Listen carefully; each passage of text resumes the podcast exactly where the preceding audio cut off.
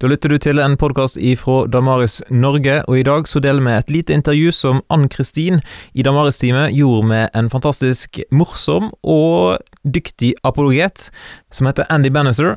Han skulle kommet på Veritas-konferansen i år, og da gjør han for så vidt eh, fortsatt, bare at han kommer i digital versjon som eh, en kan strømme og se hvor en vil, rett og slett. Og Ann-Kristin hun gjennomførte et intervju som eh, gjør at du kan bli litt bedre kjent med denne dyktige apologeten. Du får høre litt om bakgrunnshistorien hans, hva han har tatt doktorgrad i, og hva som er noen fun facts om han.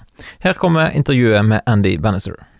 Okay, Andy, I just wanted to, the Norwegian people to to get to know you a little bit and um, yes, maybe see the man behind the behind the big titles and the great books and everything. Very kind. yeah, um, an Instagram post uh, I saw from this summer Yes. gives the impression that you are at the top level regarding how to pack a Volvo.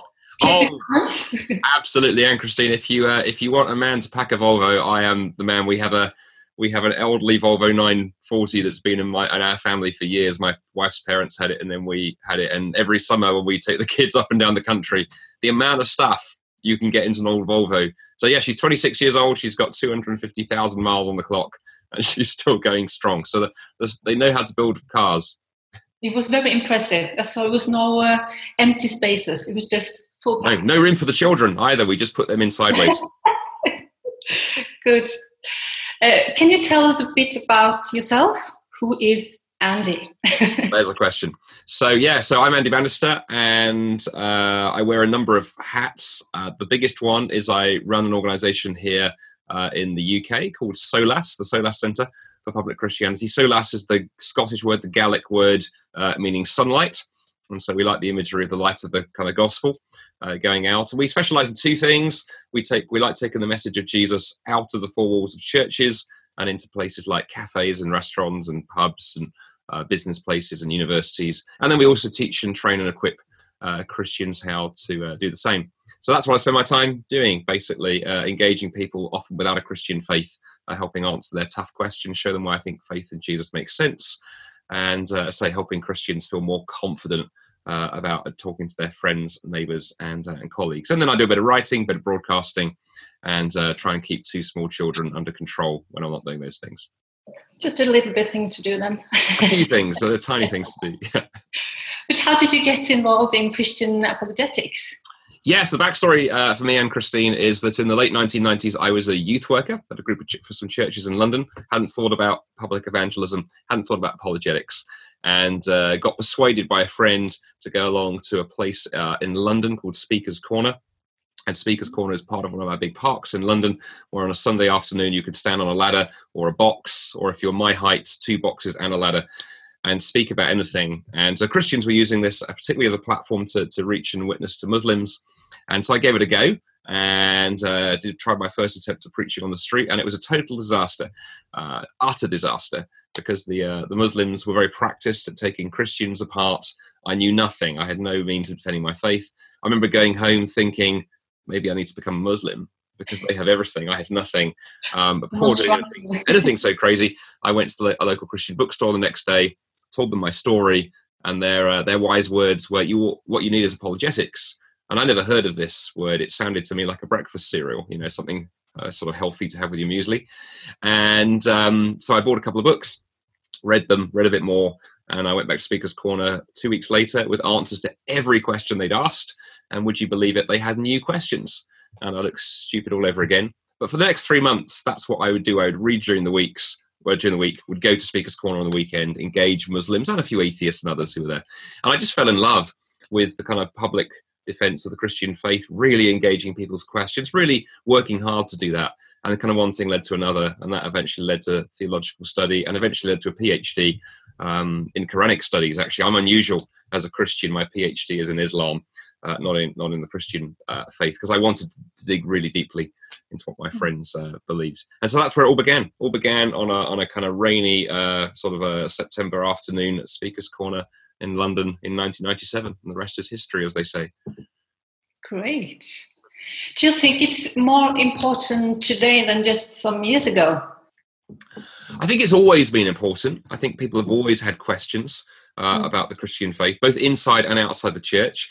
I think today, though, I think it's probably is ever more important for for a number of reasons. One is I think some of the the questions have multiplied, um, particularly in around some of the ethical questions around Christianity. As society has changed, and as, as science particularly has advanced, some of the ethical questions, you know, we're now dealing with things like artificial intelligence, transhumanism, all those kind of pieces that as Christians we can run into. And then, of course, we have the internet. So people are very easy. It's very easy to come across uh, skepticism and, and, challenges to your faith, um, and so on and so forth. And so I think both in terms of being able to share your faith with others as a Christian and explain what you believe, but also within the church, I think especially for young people in university student ages, being able to you know, explain to them why the Christian faith is persuasive, that we don't just believe because we believe because we believe, but there are good reasons, is hugely, hugely uh, important. So yeah, always been important, and historically Christians have defended their faith for two thousand years. But I think yeah, there's there's an, there's a there's an urgency in these days uh, that there wasn't perhaps a, a couple of decades ago. Great. What would you say are the key parts to your present ministry? Oh, well, there's a question. So, um, well, of course, there was, there was an answer to that question six months ago, and then COVID happened and everything changed. Yeah. Um, so, like a lot of organizations, we moved everything on online and uh, began doing a lot of webinars and so forth. So, so, so, I'd certainly say a key part of our my ministry right now is digital. We're always looking for ways to innovate in the digital space. Um, so for years now, we produce these short videos. We call them short answer videos that many people have seen. Millions of people are now, are now watch those, where we take a, a tough question and try and address it in three to four minutes. But in the last six months, we've also moved into webinars and doing even things like university missions and things online. So lots of digital stuff right now, and always thinking as a team about how we can actually engage folks who don't have a Christian uh, faith. There's a big Muslim part to my ministry as uh, as well. Lots of stuff in, in terms of engaging Muslims, equipping Christians uh, to engage uh, Muslims teaching training. We're doing finding lots of ways right now to be to be in, engaging the church, and so looking forward to doing the uh, doing that conference in, in Norway shortly. I'll be remote, but uh, at least we'll be doing it. And then the writing piece as as well. I've always enjoyed writing, and so yeah, obviously we're gonna we may, we may talk in a moment about that that book that's just been translated into Norwegian. But there's also I just finished another book uh, for IVP called "Do Muslims and Do Muslims and Christians Worship the Same God?" and that was a great fun writing that one, and that comes out in March. So a bit of writing in there as well. You've been productive during the Corona time, then. Well, when you're kind of stuck at your desk, right, you have to think about ways to ways to use the time.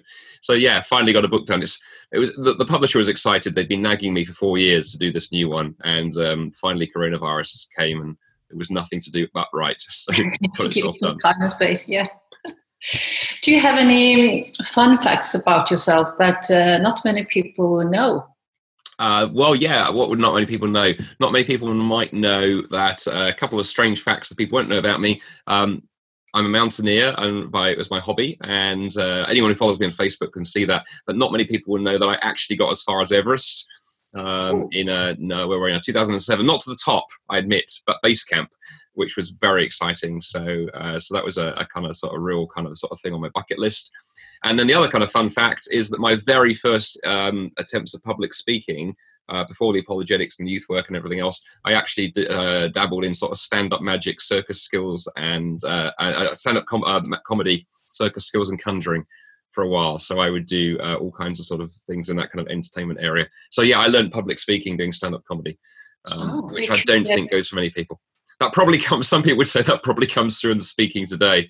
You know, Andy Bannister, failed comedian. That should be on my, on my resume. Uh, great.